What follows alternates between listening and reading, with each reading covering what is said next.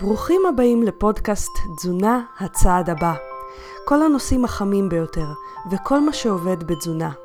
וזה כדי שתדעו מה הצעד הבא במסע שלכם להשגת שלום עם האוכל, הגוף והלב. מוגש לכם על ידי רותי פינק, דיאטנית קלינית והוליסטית שמחפשת תמיד מה עוד אפשרי בתזונה, בבריאות ובחיים.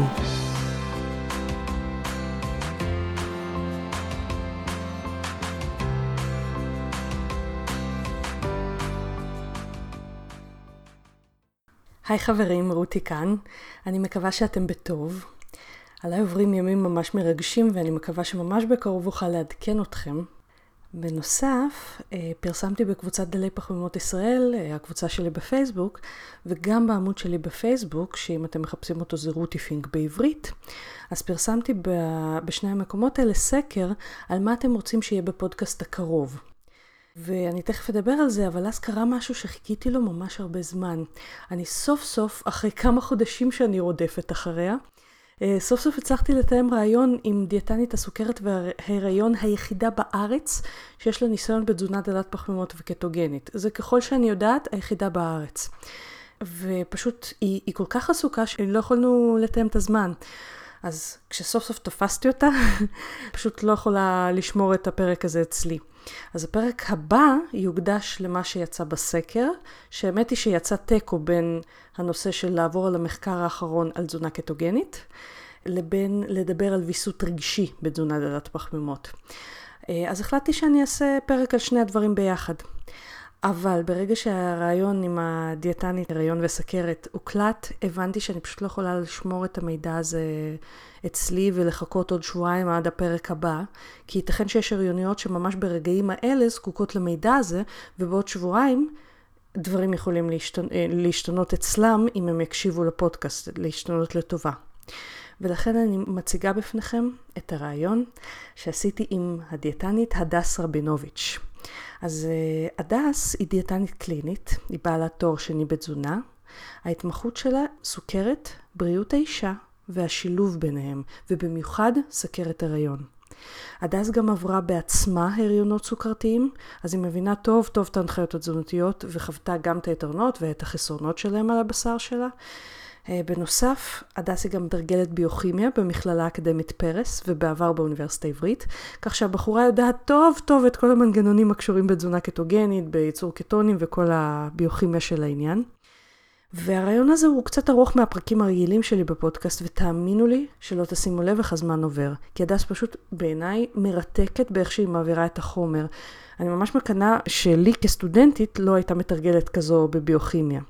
אני פגשתי את הדס אה, וחשבתי על לראיין אותה כששמעתי הרצאה שלה, שבו היא הציגה תיעוד מקרה של אה, אישה אה, בקטוזיס בהיריון.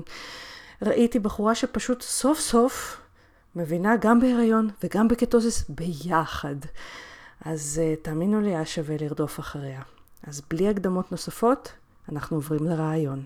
אז uh, היי חברים, הדס כאן איתי, סוף סוף נפגשנו, זה לא היה פשוט. אז uh, uh, בואי ספרי על, על עצמך קצת uh, ככה, uh, איך הגעת בכלל לעסוק בתזונת הריון? טוב, אז נעים מאוד, uh, ממש כיף שבאמת הצלחנו ככה להיפגש. אז אני הדס רבינוביץ', דיאטנית, אה, אני אימא לארבעה בנים. בחלק מההריונות גם היה לי סוכרת הריון, אז התחום אה, ככה קצת אה, נוגע לליבי גם מהמקום האישי. אני מתעסקת כמו הרבה דיאטניות בכמה וכמה תחומים, אבל התחום של ההריון דיבר אליי באמת, נראה לי מהרגע הראשון. אני אודה ואתוודה שללימודים בתזונה נרשמתי מהכיוון של סוכרת. סוכרת וחינוך תזונתי, מתוך מטרה לרפא את הסוכרת, אה, לעסוק ככה עם ילדים. זה עדיין משהו שאני כן עוסקת בו, אבל אה, ברגע שנתקלתי בהריוניות כבר בסטאז', וזה היה לפני שאני חוויתי בעצמי בכלל הריון, משהו שם אה, היה בעיניי מדהים. כן, זה באמת מדהים. בהיענות. של המטופלות. יש משהו כל כך מדהים לראות שמקשיבים לך. נכון, הגיוס הזה, כי אתה דואג למישהו אה, נוסף. לגמרי, לגמרי, אה, ורוצים לשמוע אותך, ומקשיבים למה שאתה אומר, וכן מקבלים את הדעות שלך, זה נתן לי תחושה של וואו, יש פה יכולת מאוד גדולה להשפיע. ואז כבר בעבודה שלי בבית חולים, הגעתי ככה בית חולים קטן, וישר ניסיתי לבדוק, במחלקת נשים יש דיאטנית? אמרו לי, לא, למה צריך? ואז אמרתי, מה, בטח צריך. וככה התחלתי להיכנס, וגם לסוכרת הריון, וליצור פרוטוקולים ככה בבית חולים ובמחלקות. אה, ותוך כדי אחת התקופות העמוסות בחיי, בתואר שני, זה היה גם בתחום הסוכרת, פתאום נתקלתי בהצעת עבודה במכבי שמחפשים אה, דיאטנית לבריאות האישה. אה, פריון וסוכרת רעיון. והייתי עמוסה בטירוף, וזה היה ככה ממש אה, גם אה, בסוף ההיריון הראשון. ובהיריון עצמו גם חוויתי ככה מה זה הריון, וזה היה גם קצת אחרי קשיים להיכנס להיריון, אז גם קצת וואו. קושי מהבחינה הזאתי. ואמרתי, אין, זה בשבילי, ולא מעניין אותי, אני אמצא זמן למרפאה הזאתי. אז באמת יצרתי קשר עם הדיאטנית אחראית. וממש דיברתי עליה, אמרתי לה, תקשיבי, אין לי זמן לזה, אבל אני נורא נורא רוצה, ואני באמת חושבת שאני נורא יכולה להתאים, ובאמת, אה, ברוך השם, אה, מאז אני שם. אה, אז ככה, במכבי, במכון בריאות האישה, ואני באמת יכולה להגיד שזה מכון מדהים, ונותנים לדיאטניות הרבה מאוד מקום, הרבה מאוד נפח. וזהו, מאז אני שם ככה בכל התחומים אה, האלה. אז את יודעת, הזמנתי כי הרבה מאזינים של הפודקאסט אה, שאלו אותי באמת מה, מה קורה עם סכרת הריון, או מה קורה עם הריון ותזונת דלת פחמות, תזונה קטוגנית, ואשכרה חיפשתי בנרות, אז זה לא המומחיות שלי הריון, אה, ולכן רציתי מישהי, את יודעת, שככה שוחה בשטח, ופשוט חיפשתי בנרות דיאטנית שתסכים להתראיין על זה. אז uh, אני ככה, סוף סוף שאת פה, אני רוצה קודם כל שתספרי לי מה הדברים החשובים ביותר שאישה בהיריון בכלל צריכה לדעת בנוגע לעניין התזונה דלת פחמימות, ואז באמת נעבור קצת יותר על קטוזיס. בסדר. אז בגדול, הדרישות התזונתיות בהיריון הן אה, קצת מוגברות יותר. מבחינת קלוריות, אין לנו דרישה קלורית אה, הרבה יותר אה, גדולה, אבל כשמנסים להסתכל מבחינת ההרכב של הדיאטה, אז רואים יותר צורך בחלבון בצורה משמעותית, וגם יותר צורך בפחמימות.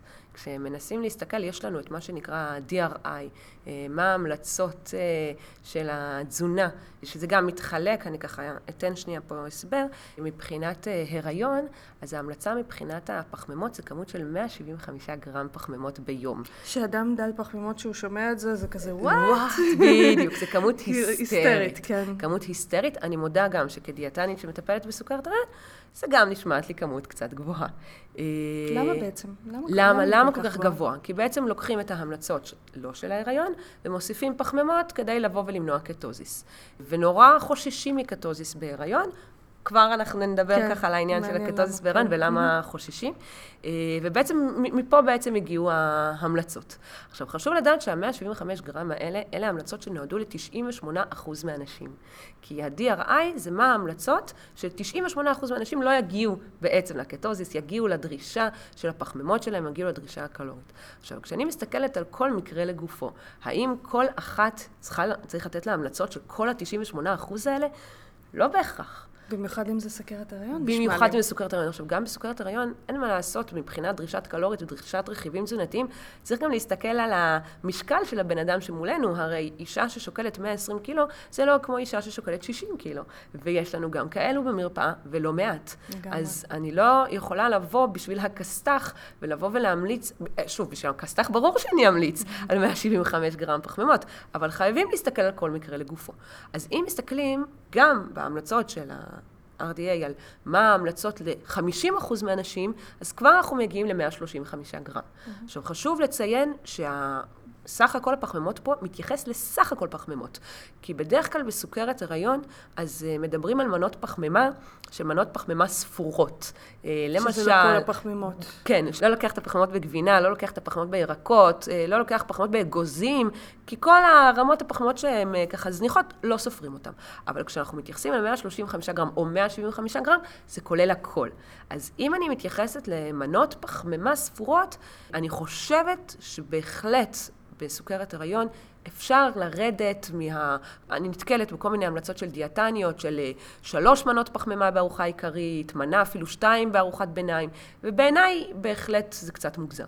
מצד שני, האם אפשר לעשות אה, דיאטה דלת פחמימות בהיריון? שאלה נהדרת. מאיפה אנחנו בעצם אה, מגיעים למסקנות? אנחנו מגיעים למסקנות ממחקרים. וכשניסיתי בעצמי לחפש מחקרים על דל פחמימות בהיריון, יש פה קושי מאוד גדול, כי מצאתי מחקרים, אבל כשאתה קורא את האותיות הקטנות, אתה קולט שזה לא באמת דל פחמימה. אתה קולט... מה למשל? אה, סתם, למשל, שהרבה מדל פחמימה זה היה עדיין 175 גרם, כי הם לא רצו לסתור את ההמלצות של ה-DRI, אז הם עשו 175 גרם לעומת הרבה יותר פחמימות. אז כן, אוקיי, כן. בסדר, כן. אז ברור שהתוצאות פה היו טובות לדיאטה הדלת פחמימה, אבל היא לא באמת דלת פחמימה. אז כאילו אני לא יכולה כל כך להתייחס לזה. או שעשו את זה באחוזים. אה, לא ראיתי שום מחקר שמתייחס מבחינת פחמימות על פחות מ-35 אחוז אה, מהדיאטה, שזה עדיין כמות גבוהה. גבוהה. אז כן. לא באמת נעשו מחקרים על אה, דל פחמימה בהיריון. ולכן אה, אני כאשת מקצוע שכן מחויבת בסופו של דבר ל-evidence based, למה שהוכח מחקרית, יש לי פה קושי גדול. Uh, עכשיו, כשבאה אליי מטופלת, אני בעצם מציגה לה את הנתונים. עכשיו, כן, אני יחסית בביטחון פחות או יותר, לא uh, בהכרח אמליץ על 175 גרם, אבל אני לא ארד כל כך בקלות, בואי נגיד, מה-100 גרם. אוקיי? אה, למה? החשש הוא קטוזיס? בדיוק, החשש זה הקטוזיס, זה החשש העיקרי, אבל חייבים לציין שחוץ מקטוזיס יכול להיות שיש עוד השפעות שאולי אנחנו לא כל כך יודעים עליהן. אבל זה החשש העיקרי, וזה גם החשש העיקרי שמדברים עליו אה, במחקרים. טוב, אני תוהה, אני תוהה באמת, אם נגיד אישה יורדת מתחת למאה, האם היא בהכרח עושה קטוזיס? לא, לא, ונגיד מודדים קטוזיס, קטונים בדם. בדם. שזו הבדיקה המדויקת ביותר. נכון. ורואים שהיא לא בקטוזיס, אבל היא לא באפס.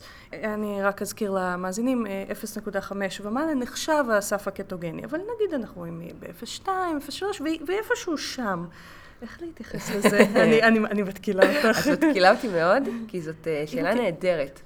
אנחנו מיד נעבור לתשובה של הדס, שבה היא תתאר מה זה קטוזיס, מה עושה בהיריון, רק חסות קצרה ומיד חוזרים.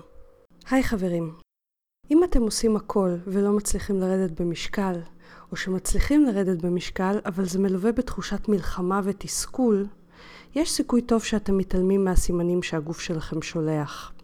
הגוף שלכם מאותת לכם כל הזמן האם חסרה לו אנרגיה או שיש לו מספיק. ואם אנחנו מתעלמים ממנו, אנחנו בעצם פוגעים בסנכרון העדין של ההורמונים השונים שמווסתים את המשקל שלנו. אז אם אתם יודעים לזהות את הסימנים שהגוף שלכם שולח בנוגע לאכילה, למשל, איפה בגוף אתם חשים את הרעב? באיזה מקום? האם אתם בכלל יודעים לזהות אותו?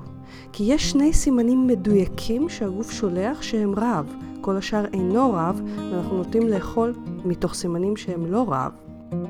ואיך אתם למשל יודעים מתי לעצור לאכול? האם זה לפי הכמות שמונחת בצלחת, או שאתם מכירים את הסימנים המדויקים שהגוף שולח בזמן האכילה ולא 20 דקות אחרי? כשאנחנו מתעלמים מהרעב והשובע, או לא יודעים לזהות אותם, אנחנו אוכלים בעודף גם אם אנחנו אוכלים כולה חסה. כי באותו רגע לא חסר לגוף כלום, וזה קצת דומה ללדחוף יותר מדי בגדים למכונת כביסה מלאה. אה, הכביסה לא יוצאת משהו במצב כזה. כי באותו רגע הגוף לא זקוק לשום דבר. הוא אומר לנו, אני בסדר, תתעסקו עם החיים שלכם. אבל אנחנו דוחפים לו את הקלוריות האלה בניגוד לרצונו. ואז אנחנו אכן אוכלים בעודף. וצוברים משקל. אז איך מקשיבים לגוף? ואיך מצליחים לאכול לפי הסימנים שלו בכלל? לשם כך בניתי את הקורס הדיגיטלי לרזות בשפת הגוף. הקורס הזה מאגד את כל הבסיס והידע לתחילת הקשבה לגוף. הוא מכיל סרטונים קצרים וברורים בשפה מובנת ופשוטה, ותרגילים פרקטיים שיעזרו לכם לעשות את הסוויץ' במוח בשביל להתחיל להבין מה הגוף שלכם בכלל מאותת לכם ואיך לאכול לפי השפה שלו. וככה תתחילו, אולי לראשונה בחייכם, לעבוד עם הגוף לירידה במשקל, ולא להילחם נגדו. בקורס תלמדו את הסימנים המדויקים של רע ושובע, ואת התרגילים המנטליים הפשוטים שניתן לעשות על מנת לעזור לעצמנו להקשיב לגוף ולשבור את האוטומטים שאנחנו פועלים לפיהם, שגורמים לנו להתעלם מהבקשות של הגוף שלנו. את כל התכנים של הקורס בדקתי כבר על מאות מטופלים בקליניקה, שלא לומר אלפים, ואין טיפול שבו אני לא מכניסה את התכנים האלה, כי זה פשוט הבסיס להכל. לא משנה מה אתם אוכלים ובאיזה תזונה אתם דוגלים, אם אתם מתעלמים משפת הגוף, אתם תהיו במלחמה עם המשקל. התגובות על הקורס הזה הן למשל, אלוהים, אף פעם לא שמתי לב שהגוף מדבר אליי, וגם איך אף אחד לא סיפר לי את זה.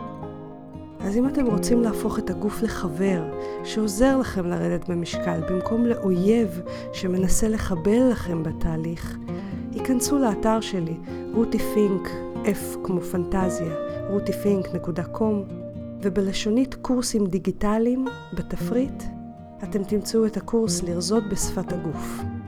ולמאזיני הפודקאסט יש הנחה על הקורס. אם תקלידו במעמד התשלום את האותיות פודקאסט באותיות אנגלית ראשיות, תקבלו הנחה של 70 שקלים שהם 20% ממחיר הקורס. הגוף הוא המשרת הטוב ביותר שלכם, הוא לא נגדכם. ואתם הולכים לגלות איך לעבוד ביחד איתו כדי להגיע למשקל האופטימלי ביותר עבור שניכם. לרזות בשפת הגוף, עכשיו באתר שלי, רותי פינק, F כמו פנטזיה, rutifink.com בלשונית קורסים דיגיטליים. כי הגיע הזמן להפסיק להילחם באוכל, ולהפוך אותו להיות פשוט אוכל.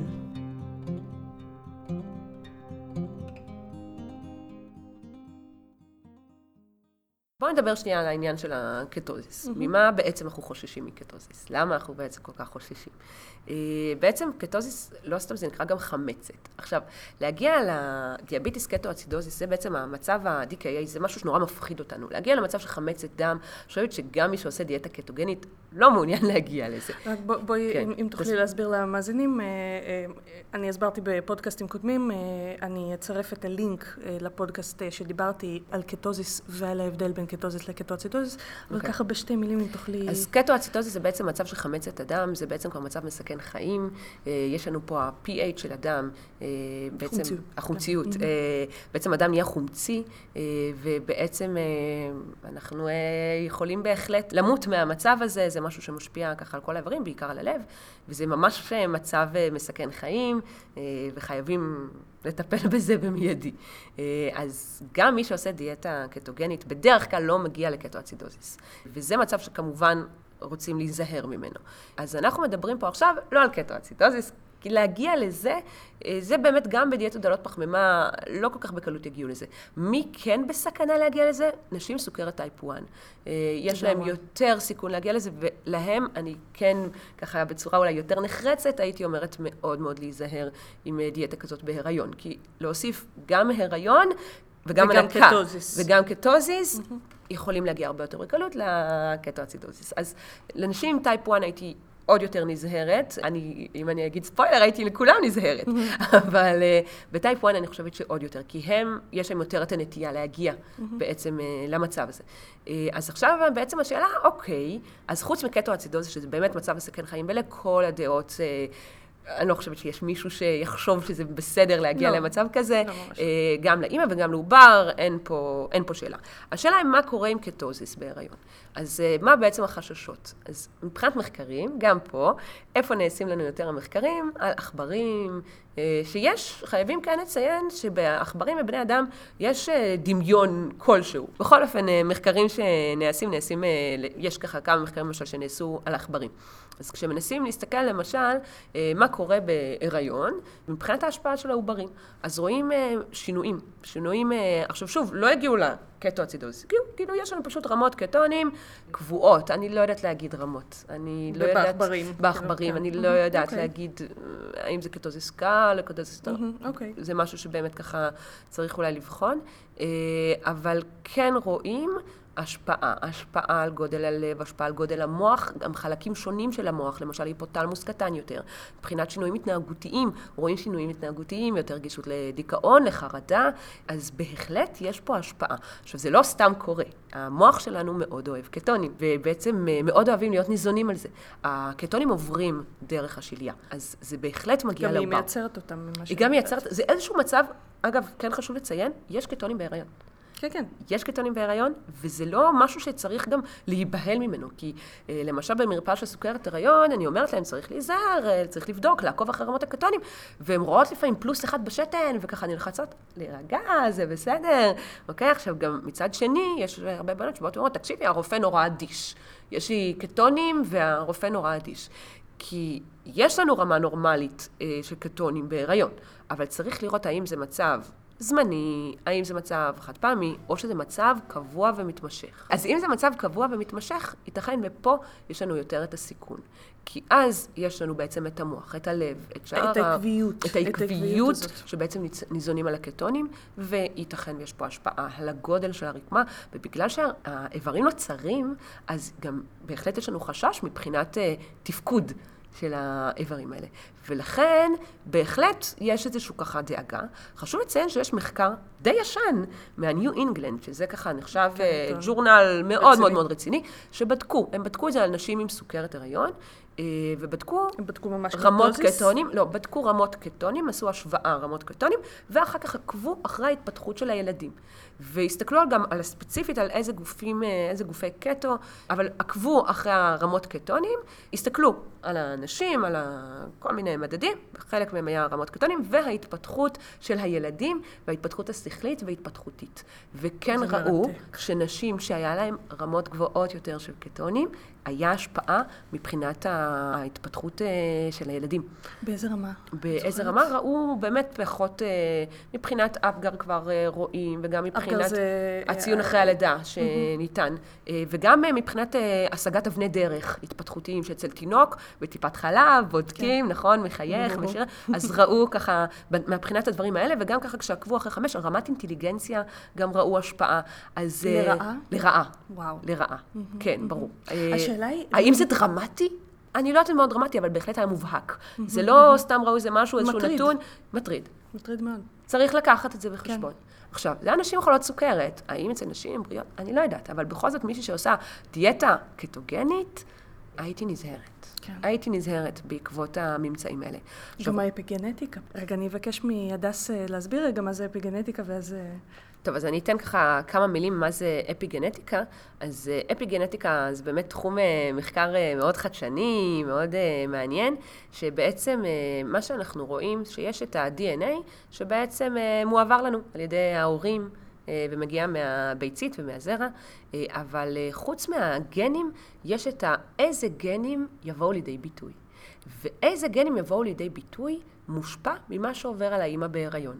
עכשיו, הרבה דברים לא תלויים בנו, ולכן גם צריך להיזהר קצת במחקרים אפיגנטיים. אימא שגרה בדרום ויורים עליה טילים, לבוא ולהגיד לה בואי תהיי רגועה, נראה לי קצת מאתגר. אבל הדברים שכן תלויים בנו, בהחלט שווה להקדיש להם ככה עניין וחשיבה. מבחינה גם של תזונה בריאה, אני נתקלת בהרבה מאוד נשים שמגיעות להיריון. עכשיו, אני ככה אה, אציין, כי לא רואים במסך, אני ככה באה מבית טריפולטאי. זה ככה הרבה אמונות טפלות. הרבה אמונות טפלות, חוץ מהגנים לסוכרת המשובחים, שככה עוברים אצלנו. ויש אה, כל מיני אמונות שמה שהאישה רוצה בהיריון, היא צריכה לקבל, אחרת יהיה כתם לידה, אחרת העובר ייפגע, כל מיני ככה דברים כאלה. ובעצם אה, זה איזשהו משהו גם רווח כזה, שאישה בהיריון רוצה משהו, אז היא חייבת לקבל את זה. אחרת, אה, זה יכול להזיק לעובר. מעניין אותי אם יש פה אולי איזשהו בסיס קצת מבחינת אפי גנטי שיכול לעבור לעובר, אבל צריך לקחת את זה לכיוון של התזונה הבריאה. כן. אה, אבל רואים בהחלט שלתזונה יש השפעה פה.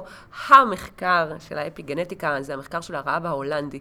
כי מה שמעניין זה שהיה תקופה קצרה של רעב בהולנד. בזמן מלחמת בזמן. מלחמת העולם השנייה, והיו נשים בשליש ראשון של ההיריון, היו נשים בשליש השני של ההיריון, נשים בשליש השלישי של ההיריון, ואפשר ממש לראות בחלוקה לשלישים מה הייתה ההשפעה של הרעב מבחינת איזה גנים באו לידי ביטוי, יותר סוכרת, יותר השמנה, יותר מחלות, איזה שליש יותר, איזה שליש פחות, אני לא אכנס לזה כי זו הרצאה שלמה.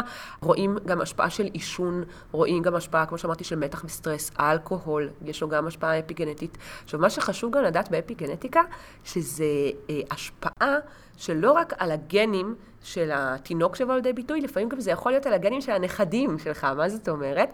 אם למשל, סבתא אכלה בוסר, שני נכדים לחלוטין, כי אם למשל יש לי עוברית בבטן, נגיד אצלי זה לא קורה, אבל מי שכן איכשהו מביאה בנות לעולם, ויש לה עוברית בבטן, זה יכול לבוא ולהשפיע על השחלות שלה, אולי גם אפילו על הפוטנציאל ביציות שלה, וזה בעצם השפעה גנטית נורא משמעותית.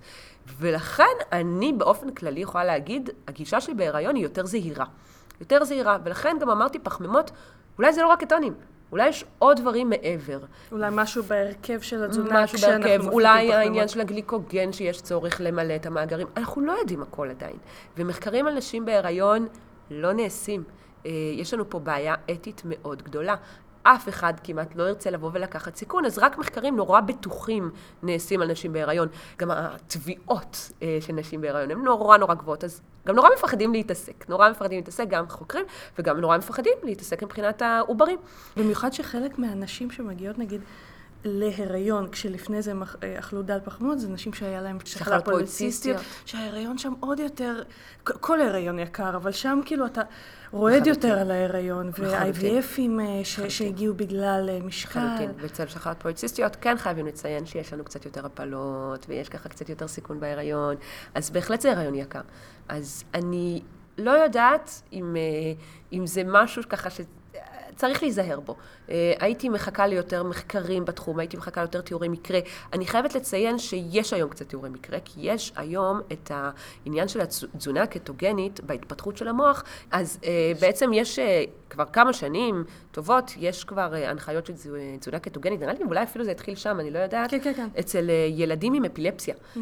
כדי לבוא ולמנוע את... ב-1920. 1920 כן, כבר כן. התחיל, וכבר בארץ יש לנו ילדים בעצם על תזונה כן, קטוגנית, מלא. והילדות גדלות, והילדות uh, כבר uh, בחורות ורוצות להיכנס להיריון. פה, אם אני צריכה לשקול uh, עלות תועלת, ייתכן שהתזונה הקטוגנית אולי היא כן טובה, כי אולי ההתקף אפילפסיה שלא יגיע אדם למוח הרבה יותר מסוכן בעצם לעובר. וכן נעשים קצת מחקרים עליהם, נורא יהיה מעניין לעקוב. זהו, אני, אני קראתי רק כמה תיאורי מקרה. זהו, יש קצת תיאורי מקרה. בדיוק על הסיפור הזה של נשים, שבגלל אפילפסיה הם זה.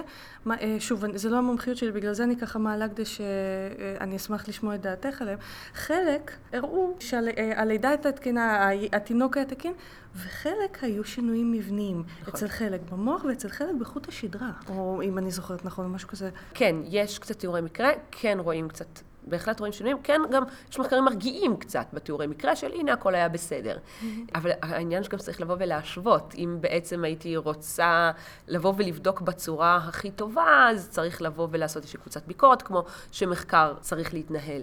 אבל זה כן מעניין לבוא ולעקוב, וכן, גם בתיאורי מקרה האלה, הם עדיין ספורים ממה. שככה אני אה, רואה ומכירה. אתה לא יכול לבסס המלצות על תיאורי בדיוק, מקרה. בדיוק, וצריך לעקוב, אבל גם בתיאורי מקרה האלה לא הכל אידיאלי, ולא הכל מושלם. ולכן אה, בהחלט אה, שווה לעקוב. אגב, יש איזה ריוויו די חדש שיצא שנה שעברה. ריוויו זה, זה בעצם מאמר שסוקר מחקרים סוקר שונים. סוקר הרבה מאוד מחקרים, סוקר תיאורי מקרה, סוקר ככה זה, שמדבר על קטוזיס בהיריון. והמסקנה שלהם גם, נכון לעכשיו, להיזהר, להיזהר.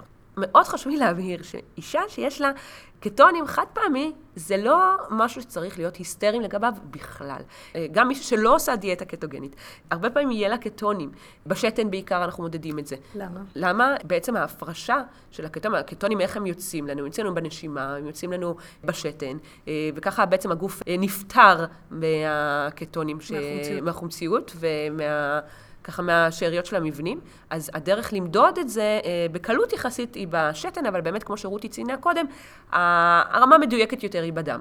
כן, ראיתי, אה, ראיתי כבר אה, נשים, גם כשהיו לפעמים קטונים בשתן, לא היו לא קטונים, קטונים בדם. אוקיי, שזה חשוב. ששוב, כמובן שם אני גם מאוד מאוד נזהרת, אבל רק אומרת את זה כדי להדגיש את החשיבות של מדידה בדם, אם כבר בתזונה דלת פחמימות. בהחלט, אבל גם, גם פה צריך כן גם לבחון מדי פעם בשתן. כי בכל זאת מישהי שכל הזמן יהיה לה פלוס שלוש בשתן, זה דורש עיון. הייתי ממליצה כמובן על בדיקת שתן במעבדה רצינית, אבל אם שם הרמות הקטונים גם גבוהות, צריך להבין מה קורה פה. מה יכול לקרות, okay? אוקיי? למשל? כי, חוץ, אוקיי, אז, אז ממה בעצם נובעים קטונים? אז אה, הדבר הקלאסי זה התייבשות. Mm-hmm. מי שלא שותה מספיק, ובהיריון, כמו שאמרנו, יש לנו יותר נטייה, וגם מפה הגיעו ההמלצות ההיסטריות יחסית של הפחמימות, יש לנו יותר נטייה לקטונים. יכול להיות שזה גם איזשהו מנגנון הגנה. יכול להיות שאולי יש בזה גם יתרונות. אני לא כל כך נתקלתי באיזשהו יתרונות של קטונים, אבל כן, יש קצת סיפורים, שוב, זה קצת יותר מה שנתקלת באינטרנט, של נשים שככה עשו, פחות בארץ, אה, על בחילות. נשים שאמרו נכון, שבתזונה, בהיריון קודם, הם היו ככה עם בחילות נורא נורא קשות והכל, והם חשבו עכשיו אה, על אה, תזונה יותר דלת פחמימות, וכן, יש להם קצת קטונים, והן מרגישות שממש אין להם בחילות הפעם. נתקלתי גם בזה, okay. גם בדיווחים, גם, גם בדלת פחמימות וגם בטבעונות. וואלה, אז אולי... אבל שוב, זה דיווחים מהאינטרנט, זה לא בדיוק מדעי חשוב לציין שיש פה אפקט פלצבו מאוד מאוד משמעותי בדיוק. על כל מה שקשור לבחינות. מאוד משמעותי. אז uh, קשה לי להתייחס לזה כאל לבוא ולתת פה איזושהי המלצה, uh, וואו, יש לזה יתרון. לא נתקלתי, היתרון המשמעותי של נשים עם סוכרת הריון זה דיאטה דלת פחמימות עוזרת לאיזון סוכר. אה, פה אין ספק.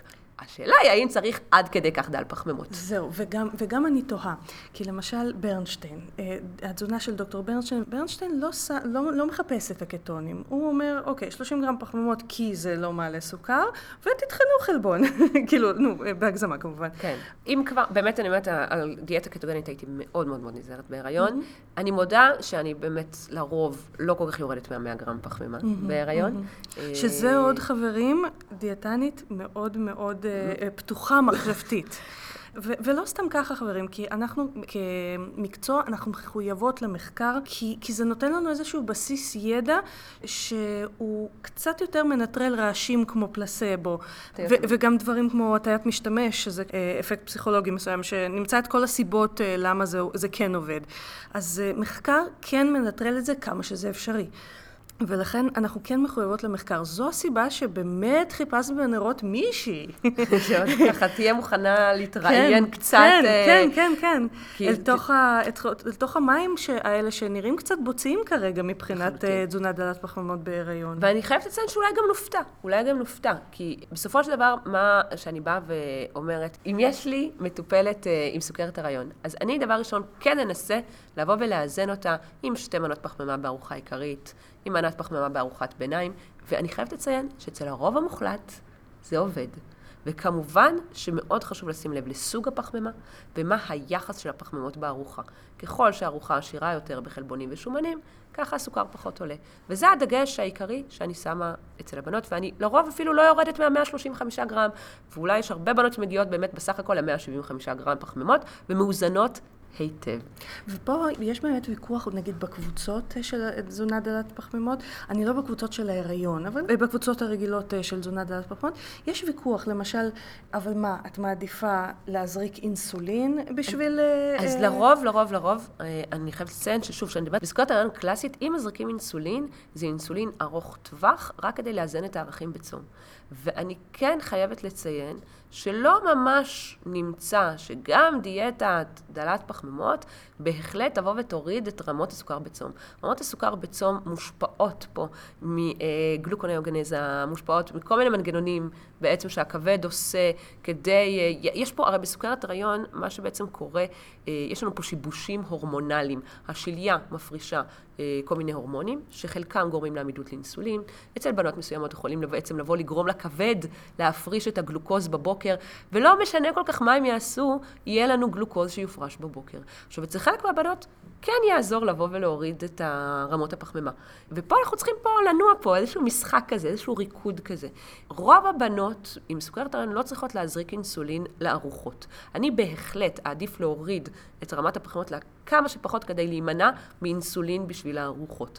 גם בשביל האינסולין בצום, כל מה שיכול לבוא ולעזור, אני אשמח מאוד לעשות. אבל האם להגיע לממש דיאטה דלת פחמימות? כמו שאמרנו, בגלל העניין של הקטונים, וגם בגלל העניין של האפיגנטיקה, אני קצת חוששת. ובסופו של דבר אנחנו צריכים לבוא ולראות מה העלות, מה התועלת, מה הסיכון, מה הרווח. כן, רציתי להכניס פה, שאני דווקא כן חברה בקבוצות אה, של סוכרת הריון וכאלה, ושם אני נורא נהנית לראות שההמלצות נורא זהירות.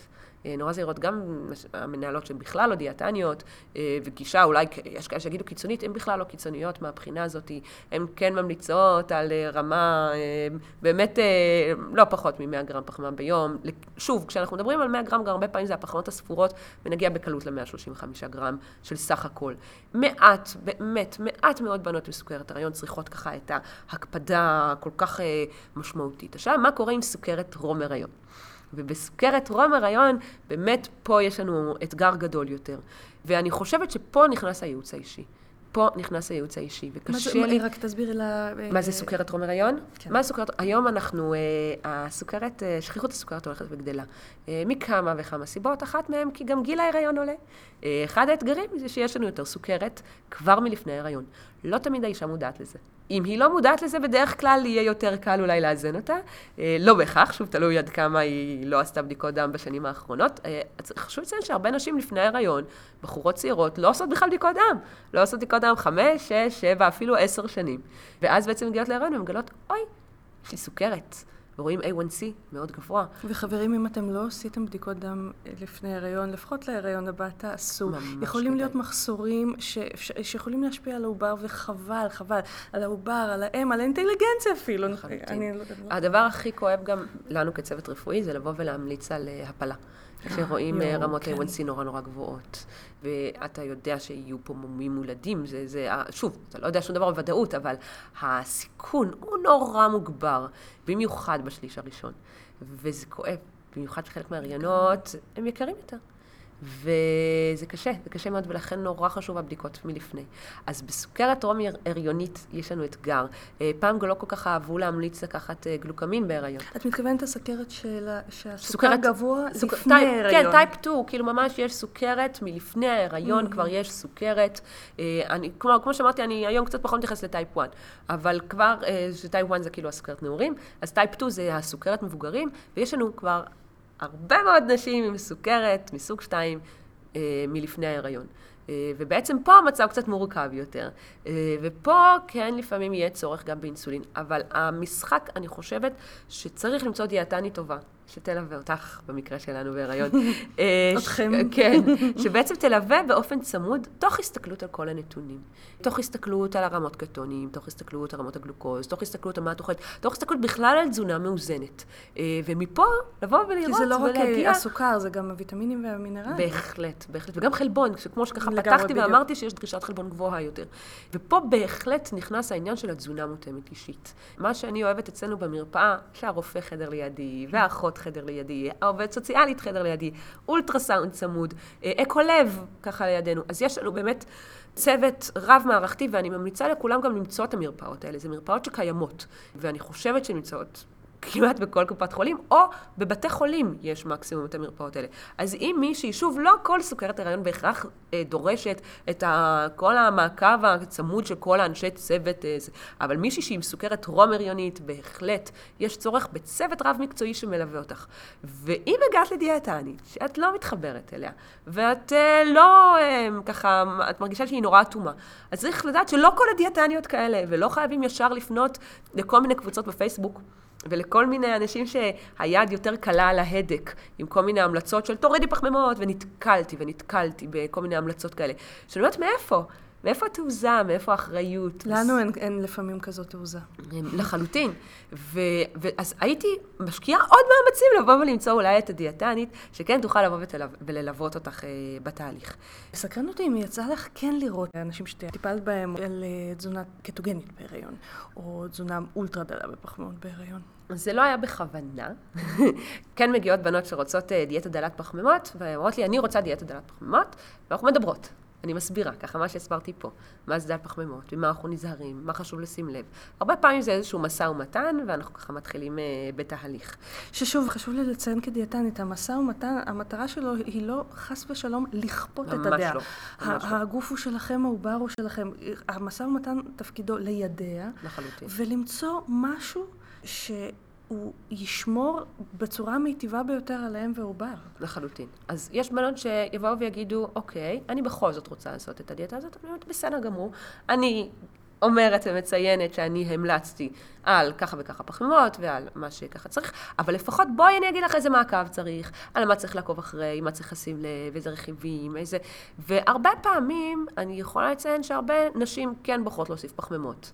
או כן, עכשיו, אני חושבת שההתנגדות הגדולה, שהרבה נשים, אני יכולה להגיד גם על עצמי, כמי שחוותה סוכרת הריון, שאיכשהו פחמימות הרבה פעמים נתפס כלחם. אה, שכאילו אומרים פחמימות, אז בהכרח חייבים להוסיף לחם, או בהכרח חייבים להוסיף אה, פחמימות אולי פחות טובות. עכשיו, גם אישית אני חוויתי שלחם, כל לחם, ואני נורא אוהבת לחם, מקפיץ לי את הסוכר, ומעלה את הרמות סוכר בהריון. וזה נורא מתסכל. ואתה פתאום אה, מוצא את עצמך, רגע, אז מה אני אוכל בבוקר? ואז יש פה, ואני חושבת לציין גם לדיאטניות פה, לא על הלחם הלבדו, בסדר? יש עוד הרבה מאוד אפשרויות חוץ מלחם. ופחמימות יכול להיות בטטה, ופחמימות יכול להיות גזר, ופחמימות יכול להיות גמבה. פחמימות, אוקיי? יכול להיות, בדיוק. אפשר בהחלט לעשות דיאטה מאוד בריאה, עם פחמימות מאוד טובות ובריאות שמתפרקות לאט, והגוף מגיב להם טוב. ויש היום באמת גם את כל העניין של המחקרים החדשים, שרואים את התזונה המותאמת אישית, שכל פחמימה מתנהגת קצת אחרת אצל כל בן אדם. כן חשוב לי לציין, אם מישהו מכם אולי ב-day 2 או ככה דברים כאלה, בהיריון... שאנחנו נעשה פודקאסט על, פודקאסט על okay. אוקיי. day 2 אה, בהמשך, בעזרת השם. אז אוכלוסיית החיידקים בהיריון משתנה.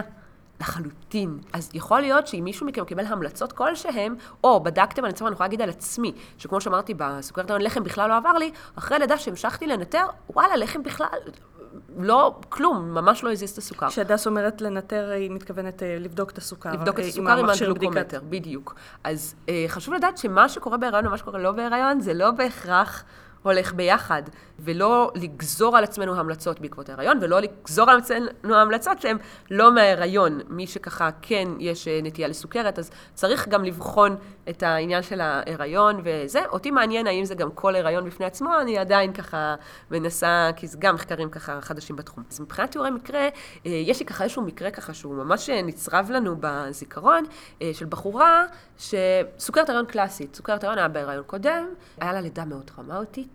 הלידה לפני ההיריון שלה? בהיריון הראשון, בעקבות הזירוז שהיא עברה, והיא נורא רצתה להימנע מזירוז בהיריון החוזר. ורמות הסוכר שלה בצום היו גבוליות. והיא מבחינתה הייתה מוכנה לעשות הכל כדי להוריד את רמות הסוכר בצום בלי אינסולין. למה? או אינסולין או טיפול תרופתי, חשוב לציין שנשים שלוקחות אה, אינסולין או טיפול תרופתי, בדרך כלל יזרזו אותם קצת יותר מוקדם מבחינת הלידה. אם אה, בסוכרת הריון, אה, באופן כללי סוכרת הריון, לא אוהבים לסחוב יותר מדי, כי רואים יותר תמותת עוברים, רואים יותר הזדקנות של השליה. אני סתם אספר על עצמי, באחד ההריונות לא ידעו שיש סוכרת הריון, או שהיא התפתחה מאוחר יחסית, סחבתי עד שבוע 42, וכשממש כמה ימים לפני, ככה אובחנה סוכרת הריון, אז uh, כשהתינוק uh, ככה, כן, נשלחתי מהר לזירוז אחרי שאובחנה פתאום הסוכרת הריון ככה בשבוע 41 פלוס, והשליה הייתה ממש, באמת, uh, יש לי למה להשוות, יש לי ארבעה ילדים, הייתה באמת מפוררת, uh, היא הייתה רקמה כבר ממש, גם הרופאים אמרו לי, את צריכה להגיד תודה, לא בטוח שעוד יום-יומיים הוא היה נשאר בחיים. אז חשוב לדעת שזה משהו שאני ראיתי לפחות בעיניים שלי, מה זה שליה שמזדקנת.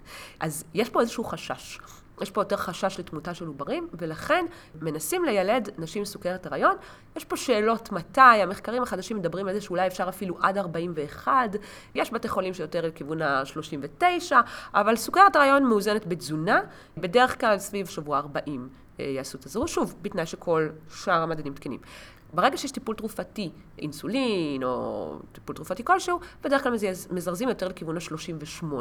אז uh, מישהי כמוה, שחוותה כבר זה זירוז... זה מה שבנות פוחדות כשהן... בדיוק. כן. הרבה פעמים mm-hmm. כאילו גם חושבים שאז לא יהיה לי לידה טבעית, mm-hmm. uh, כמו שאני רוצה וכמו שאני חולמת. אני חייבת לציין שזה לא בהכרח, בסדר? בלידה ראשונה זה באמת מאתגר יותר, לידות חוזרות זה לא כל כך בהכרח, הכל תלוי במוכנות של הגוף, אבל אני בהחלט מתחברת, uh, גם אישית וגם מבינה את הנשים עם החשש, וכל כך רוצות את הלידה החלומית. המקצועית שהן רוצות, ולכן היא הייתה מוכנה לעשות הכל. ולמרות שככה דיברנו והסברתי, וזה, היא החליטה ככה על דעת עצמה להוריד את רמות הפחמימות. היא עקבה לא בדם אחרי הרמות קטונים, ככה הסתכלה, הסתכלה קצת בשתן, הרמות קטונים היו קצת גבוהות, הרופא אמר לה בסדר, לא נורא. אה, יכול להיות שהיה פה איזשהו טריגר גם של וירוס של שולים והקאות, שככה עוד יותר עודד פה, ואחרי זה המשיכה עם הדיאטה דלת פחמימות. שחשוב להגיד שאפילו אצל אנשים בריאים, בתזונה קטוגנית וירוס עלול להיות טריגר. בהחלט. לקטואצידוזיס. לקטואצידוזיס, שאמרנו שזה המצב המסכן חיים. אה, היא לא הגיעה לקטואצידוזיס, ממש לא, ברוך השם. אבל היא המשיכה מהתזונה דלת פחמימה, הגיעה אלינו למרפאה, רמות הקטונים היו פלוס שלוש, ואז במוניטור, אה, בסוכרת הריון, שוב זה הריון בסיכון, אז תלוי בפרוטוקול של מרפאה, אבל ברוב המרפאות החל משבוע 30 או 32 או 35 כבר נתקלתי, אה, עושים מוניטור. שבדרך כלל בהיריון תקין עושים את זה רק אם זה הריון עודף מעבר שבוע 40, אז בהיריון בסיכון כמו סוכרת הריון עושים את זה כבר מוקדם, כי שוב, דיברתי קצת על ההזדקנות של יא, וככה חשש, אז רוצים כן לעקוב אחרי זה. ו... וראו במוניטור האטות של הדופק של העובר, היה, היו פה ככה כמה סימנים לא טובים, והיא בעצם אה, נשלחה למיון. כי הייתה שבוע 32, 33, משהו כזה, הקטונים היו גבוהים, נשלחה למיון, וגם שם עדיין היו עטות בדופק, והחליטו לאשפז אותה. אה, וככה שאלתי אותה, ותגידי, מה, איך, מה שלומך, איך, אה, את שותה? אמרה לי, כן, בהחלט אני שותה. אז רגע, אני אחזור. מה יכול לבוא ולהשפיע לנו על רמת הקטונים? אז בעצם התייבשות. סוכרת לא מאוזנת. יכולה בעצם לגרום לעלייה בפרישות אה, הקטונים. ירידה במשקל, בעצם אה, אם יש לנו פה אישה שיורדת ככה במשקל, אז בהחלט יכול להיות פה איזשהו ככה פירוק של רקמת שומן, שבעצם הרי אה, גופי קטו מאיפה הם נוצרים? הם נוצרים מהציטיל קואי, לא יודעת אם אני אכנס פה למנגנון הביוכימי, אבל בעצם... אני רק אגיד שהדס גם מתרגלת בביוכימיה, נכון. הבן אדם יודע. אז הנושא הזה ככה מאוד קרוב לליבי. אז בעצם כשיש לנו ירידה במשקל, אז בהחלט יכול להיווצר פה קטונים, ומדיאטה דלת פחמימה. אז יש פה בעצם כמה סיבות. אז כשמגיעה מטופלת עם קטונים, אני צריכה דבר ראשון לבוא ולראות מה קורה. א', האם היא מיובשת? ב', האם הסוכרת שלה מאוזנת? ג', האם uh, בעצם ירדה במשקל? אוקיי? עכשיו שוב, גם ירידה במשקל, הרבה פעמים סוכרת הריון זה תקין לחלוטין, השאלה היא כמה. ורק אז, כי אם היא בסופו של דבר אומרת תראי, בסך הכל, הכל בסדר, בהחלט יכול להיות שזו סיבה אחרת. ורק אה, אם תבוא ואנחנו נעשה, ניקח איזושהי אנמנזה מלאה ונראה שבאמת יש פה תזונה דלת פחמימות אה, משמעותית, אבל שוב, זה גם עניין מאוד אינדיבידואלי מה דל פחמימה, אז ייתכן ואני אבוא ואוסיף את הפחמימות. עכשיו, חשוב לציין שזה התפקיד של דיאטנית. רופאים הרבה פעמים לא יעשו את התשאול הזה מאיפה נובע הקטונים. ויש את הרופאים הרגועים, שיגידו, אוקיי, קצת קטונים לא נורא, ויש את הרופאים ש... קטונים! וזה בכלל התייבשות, או שזה בכלל הסוכרת, וישר ידחפו פחמימות, ולמישהי שהסוכרת שלה לא מאוזנת, לדחוף עכשיו עוד פחמימות, זה לא, זה לא הסיבה לקטונים וזה לא הדבר הנכון לעשות. אוקיי? אז לא כל פעם שיש קטונים, זה אומר שזה דיאטה דלת פחמימות, בכלל לא. בקיצור, תדרשו דיאטנית בהיריון. בהחלט, לדרוש דיאטנית, וגם אני ממליצה דיאטנית שמבינה בדיוק. בסוכרת, ודיאט, ודיאטנית שמבינה בהיריון. לרוב דיאטניות שיושבות בסוכרת הריון, הם עשו גם קורסים בבריאות האישה, גם קורסים בסוכרת, ויש את ההתמחות הכפולה. וזה משהו שבעיניי, ככה, זה החשיבות להגיע לדיאטנית שמתעסקת בעצם בשני התחומים. ואז היא יכולה בעצם לעשות את, ה, את ההבחנה בין הדברים. אז דיברתי איתה בטלפון וניסיתי ביחד איתה לעשות את ההבחנה בין הדברים. אז uh, בסופו של דבר עשיתי ככה בתשאול, והגענו למסקנה שבהחלט היא הורידה פחמימות. ואז אמרתי לה, תקשיבי, בואי, בואי תנסי. בואי תנסי להעלות קצת פחמימות. את מאוזנת, היא הייתה מאוזנת היטב. חשוב לציין שלמרות שהיא הורידה מאוד פחמימות, עדיין הסוכרים בצום היו גבוליים. אז הנה, זה עוד מקרה שראיתי שזה לא בהכרח שאם מורידים פחמימות, הסוכרים בצום מתאזנים. אה, אבל אה, הרופאים היו רגילים והיו מוכנים לא לתת לה טיפול אה, תרופתי בגלל שהיא כל כך ביקשה שלא, כי בסך הכל כל המדדים הקליניים היו תקינים, זה בכלל נושא אחר, כל העניין הזה. ואמרתי לה, בואי תוסיפי קצת פחמימות, והיא הוסיפה, היא הוסיפה פחמימות. והפלא ופלא, המוניטור, כן, הדופק הסתדר, המוניטורים הסתדרו. האם זה בהכרח קשור? אני לא יכולה לדעת. אבל יש פה איזשהו היגיון, כי חוץ מההשפעה של המוח, כמו שאמרנו, יש לנו השפעה על ה-PH. יש לנו פה השפעה על הלב, וזה לא רק על הלב שלנו. אמרנו, הקטונים עוברים אל הדם של העובר.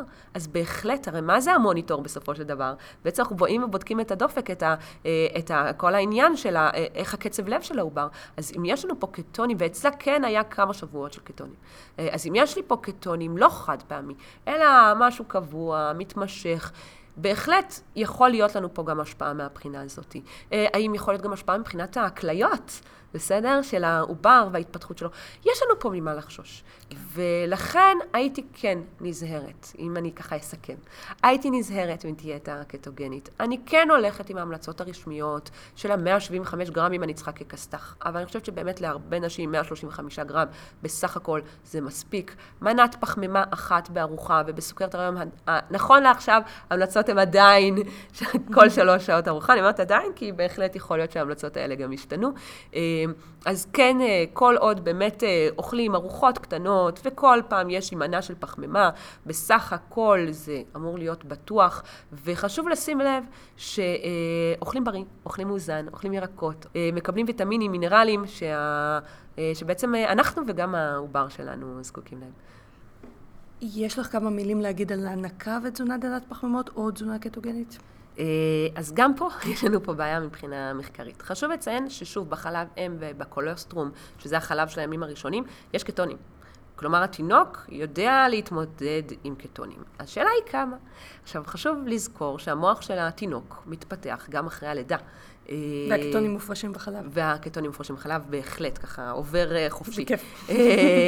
אז צריך, גם פה צריך לנהוג משנה זהירות. חשוב לציין שלאט לאט מצטברים יותר ויותר תיאורי מקרה של קטואצידוזיס בהנקה אצל נשים בריאות שעשו דל פחמימה. והדרישות לפחמימות בהנקה יותר גבוהות אפילו מבהיריון. מה שאמרנו, ה-98 אחוז, ה-DRI הוא 210, והממוצע מה זה 210? ה-DRI. אוקיי? 210 אחוז? לא, לא, 210 גרם פחמימה. אה, 210, כן, כן, אני אציין. ההמלצות מבחינת פחמימות בהנקה, זה אם מסתכלים על ההמלצות ל-98 אחוז מהאנשים, ה-DRI, זה 210 גרם פחמימה. כשמסתכלים על ה-E, בעצם הממוצע, זה 160 גרם פחמימה. אה, אז זה יותר אפילו מבהיריון, וכנראה יש סיבה. כנראה יש סיבה, כן יש יותר תיאורי מקרה.